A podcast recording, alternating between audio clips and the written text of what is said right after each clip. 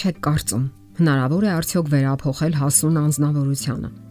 ով այնքան հասուն է ու գիտակից, որ ունի սեփական բնավորությունն ու կարծիքը, նախասիրություններն ու ճաշակը եւ վերջապես աշխարհայացքը։ Պատասխանը միանշանակ է։ Անհնար է վերափոխել դիմացինին, նրան, ում հետ ցանկանում եք ապրել ձեր կյանքի մնացած հատվածը։ Եվ սա պետք է հաշվի առնի ցանկացած զույգ, որ ցանկանում է ամուսնական հավասարազոր միություն կնքել։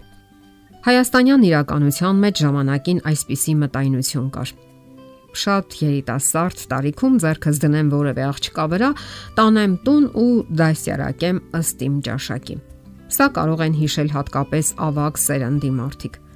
Թեև այսօր այլ իրականություն է, սակայն մոտավորապես նման իրավիճակ հանդիպում է, երբ հատկապես տղամարդիկ ճնշում են կանանց եւ փորձում պարտադրել իրենց ճաշակն ու նախասիրությունները եւ ընդհանրապես այն ամենը, ինչը միայն հնարավոր է պարտադրել։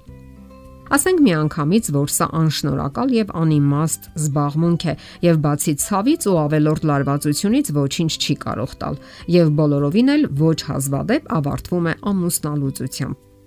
Ինչ է նշանակում դիմացինին վերափոխելու ցանկությունը։ Ամենից առաջ այն, որ մենք չենք ընդունում նրան այնպիսին, ինչպիսին նա կա իրականում։ Սիրելիին վերադասյարակելու դրթապաճառներից մեկը նրան վերահսկելու, ղեկավարելու ցանկությունն է։ Իսկ իմաստ ունի արդյոք դա։ Հոգեբաններն ասում են, որ մենք ի վիճակի չենք նման բան անելու Կյանքն ինքն էլ դա ապացուցում է։ Մարդը պարզապես ի վիճակի չէ զուգընկերոջը կառուցելու ըստ իր երևակայության։ Ուրիշ հարց է, եթե մենք անկեղծորեն ցանկանում ենք ինչ որ ձևով օգնել նրան հաղթահարելու որոշ ված սովորություններ, սակայն ավելի հաճախ դա նպատակ ունի նրան ղեկավարելու։ Իսկ այդ երկուսի միջև բավականին նուրբ եւ խուսանավելու տարածություն կա։ Եթե մենք ընտրություն ենք կատարում, այն կարծիքին ենք լինում, որ մեր անկեղծ զգացմունքները կարող են օգնել որpիսի դիմացինը փոխվի։ Սակայն այստեղ է, որ մասնագետները վճռականորեն հայտարարում են. կանգ առ մտնել հարաբերությունների մեջ այն դիտավորությամբ, որ կարող եք փոխել նրան, դա այդ հարաբերությունները փչացնելու ամենաուղիղ ու կարճ ճանապարհն է։ Ընդհանրապես հարկավոր է հաշվի առնել այս կարևոր պահը։ Մենք ես եւ իմ ընտրյալը հենց սկզբից միմյանց օտար մարդիկ ենք։ Մեր հետևում մեր կենսական փորձառություններն են եւ սովորությունները։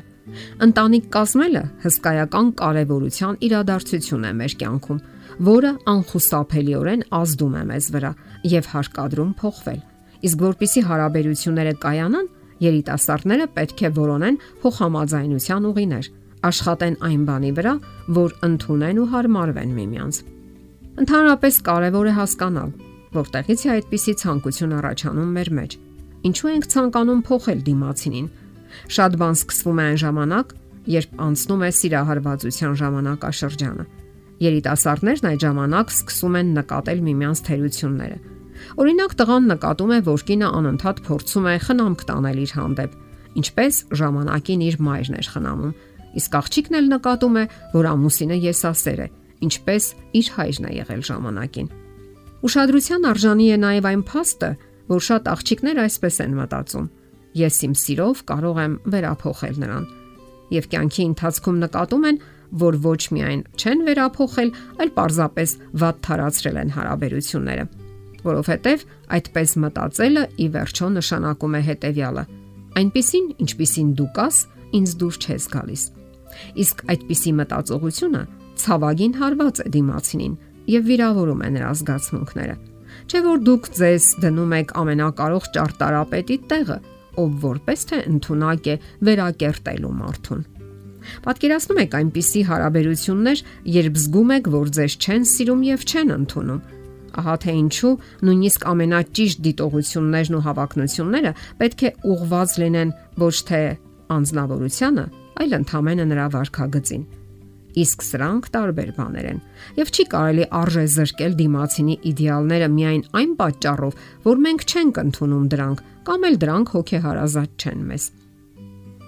Կան խորհուրդներ, որ կօգնեն ձեզ ճիշտ ընտրություն կատարելու ճանապարհին։